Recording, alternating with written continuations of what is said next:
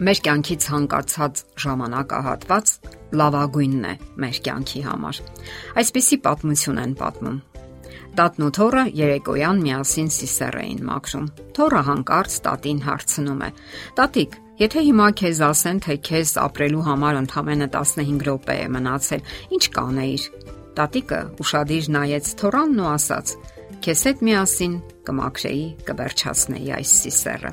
Ահա թե որն է կյանքի լավագույն ժամանակը։ Ոչ ոք հաճույքով չի սпасում ծերությանը։ Այն վաղ թե ուշ գալիս է իր հետ անխուսափելիորեն բերելով տարբեր բացասական մտորումներ։ Ծերությունը սովորաբար կապում են թոշակի հիվանդությունների անօգտակարության զգացումի հետ։ Հետաքրքիր է, որ նույնիսկ Աստվածաշնչում է գրված ծերության այդ օրերի մասին, սակայն միանգամայն այլ տրամաբանությամբ կարդում ենք Հիշիր քո արարչին քո երիտասարդության օրերին, քանի դեռ չեն եկել թշվառության օրերը եւ չեն հասել այն տարիները, որոնցում ասելու ես. դրանց մեջ ես հաճույք չեմ զգում։ Այստեղ թշվառություն բառը կարող է շփոթություն առաջացնել։ Սակայն որոշ թարգմանություններում օգտագործվում է դժվար, բարդ հոմանիշը, որը ընդհանրապես նշանակում է, որ այլևս չկա նախկին երիտասարդական երանդն ու ավյունը, ֆիզիկական հնարավորությունները։ Սակայն հիշենք, կա մի ուրիշ բան, որ ճունեն երիտասարդները՝ փորձ եւ իմաստություն։ Ահա թե ինչու շատերը նույնիսկ այդ տարիներն անվանում են երջանկության տարիներ։ Պարզապես հարկավոր է հասկանալ, որ կյանքը 60-ից հետո ոչ թե դատավճիռ է, այլ կյանքի մեկ այլ ձև որ մեր ուղեղը դրանից հետո ոչ թե դեգրադացիայի կամ թերաջի է ենթարկվում, այլ փոխվում է, միգուցե ավելի է զարգանում։ Շատերն են այդ տարիքից հետո զբաղվել այլ աշխատանքներով, փոխել մասնագիտությունը, զբաղվել սպորտի թեթև տեսակներով, լեզուներ սովորել եւ այլն։ Ինչ եք կարծում։ Երբ է սկսում մարդը ծերանալ, երբ է նա լրջորեն սկսում զգալ իր տարիքը։ Սա բավականին հարաբերական հասկացություն է, երբ հաղթահարում եք կյանքի հերթական տասնամյակը կամ երբ անցնում է թոշակի, իսկ միգուցե առաջին երեխան ունենալուց հետո կամ էլ թերևս առաջին թորնիկից հետո մենք միշտ էլ կարող ենք մեծ ծեր զգալ, երբ փոփոխություններ ենք նկատում մեր արտաքինի կամ ընդհանուր օրգանիզմի մեջ։ Շատերը ծեր են դեռ երիտասարդ հասակում։ Նրանք երբեք էլ չեն օգտվում երիտասարդական հնարավորություններից, թե ֆիզիկական, թե մտավոր, ստեղծագործական առումներով։ Ամբողջ հարցն այն է, որ հարկավոր է սովորել բնական ընդունել սեփական տարիքն ու խոճապի չմատնվել չվահատվել, երբ մեզ մերժում են հերթական աշխատանքը միայն այն պատճառով, որ մենք անznագրով արդեն 60-ն անց ենք կամ փողոցում մեզ կարեկցանքով են նայում սպիտակ մազերի պատճառով, թեև հիմա համարյա բոլորը ներկում են իրենց մազերը։ Իսկ երբ հասարակական տրանսպորտում իրենց տեղն են զիջում,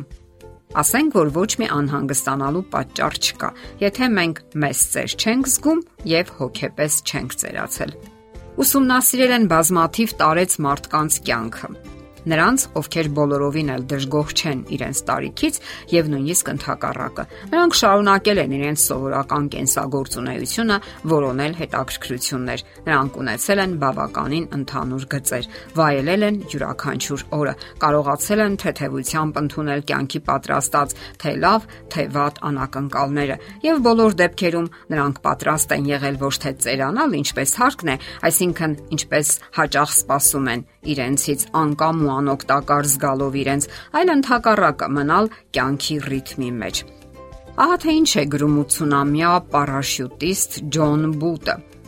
Չի կարելի դադարել թռչել միայն այն պատճառով, որ դու ծերացել ես։ Կարելի է ծերանալ միայն այն պատճառով, որովհետև դու դադարել ես թռչել պարաշյուտով։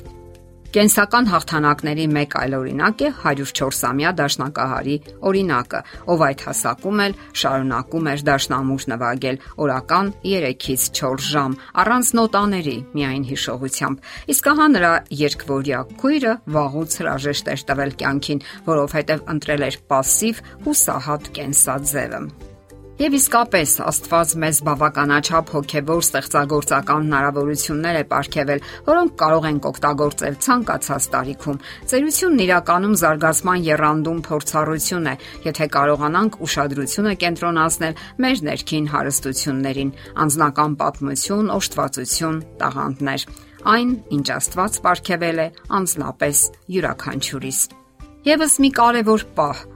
պետք չէ հիշել անցյալը որպես իդեալական մի բան։ Այն կարևոր է դասեր քաղելու հարուստ փորձառությունների համար, բայց ոչ որպես կատարյալ։ Մենք ավելի շատ կատարյալ ենք հենց ներկա պահին, երբ կարող ենք մի քայլ ավելի առաջ գնալ իսկ երբ խրվում ենք անցյալի հիշողությունների մեջ, կանգ ենք առնում, որովհետև ավելի շատ խղճում ենք մեզ։ Իսկ ծերանալու գործընթացը պետք է լինի կառուցողական։ Ծերանալով մենք ոչ միայն մեր հիշողության մեջ պահպանում ենք մեր անցյալը, այլև կառուցում ենք մեր ապագան։ Ահա թե ինչն են բաց թողնում իրենց կենսական ընթացքում շատերը եւ այսպես ասած լռվում ու մնում են անցյալի մեջ եւ դադարում են նկատել ներկան, որն անցնում է ստվերի նման։ Այնինչ պետք է սեփական կյանքը ամեն օր կառուցել։ Այո, ծերությունը կարող է արգասաբեր փորձառություն լինել։ Փոխվում է արժե համակարգը։ Նախկինում կարևոր թվացող շատ բաներ այլևս կարևոր չեն, երկրորդական են առաջին տեղում են սերը եւ փոխհարաբերությունները եւ այլևս անհրաժեշտություն չկա ցանկացած առիթի դեպքում ցուցադրելու ձեր սեռային ընդգծվածությունը։ Ժամանակի ընթացքում ձևավորվում են նոր հարաբերություններ, ավելի լիակատար, ավելի հագեցած, եւ որ ամենակարևորն է, հարկավոր է վայելել ներկան իր անկրկնելի եզակիությամբ եւ իրականությամբ, որովհետեւ դուք արդեն գնահատում եք ձեր կյանքի յուրաքանչյուր ակնթարթը, յուրաքանչյուր պահը, որը հաջորդ պահին պետք է անցնի։ Եթերում առողջ ապրելակերպ հաղորդաշարն է։ Հարցերի եւ առաջարկությունների համար զանգահարել 033 87 87 87 հեռախոսահամարով։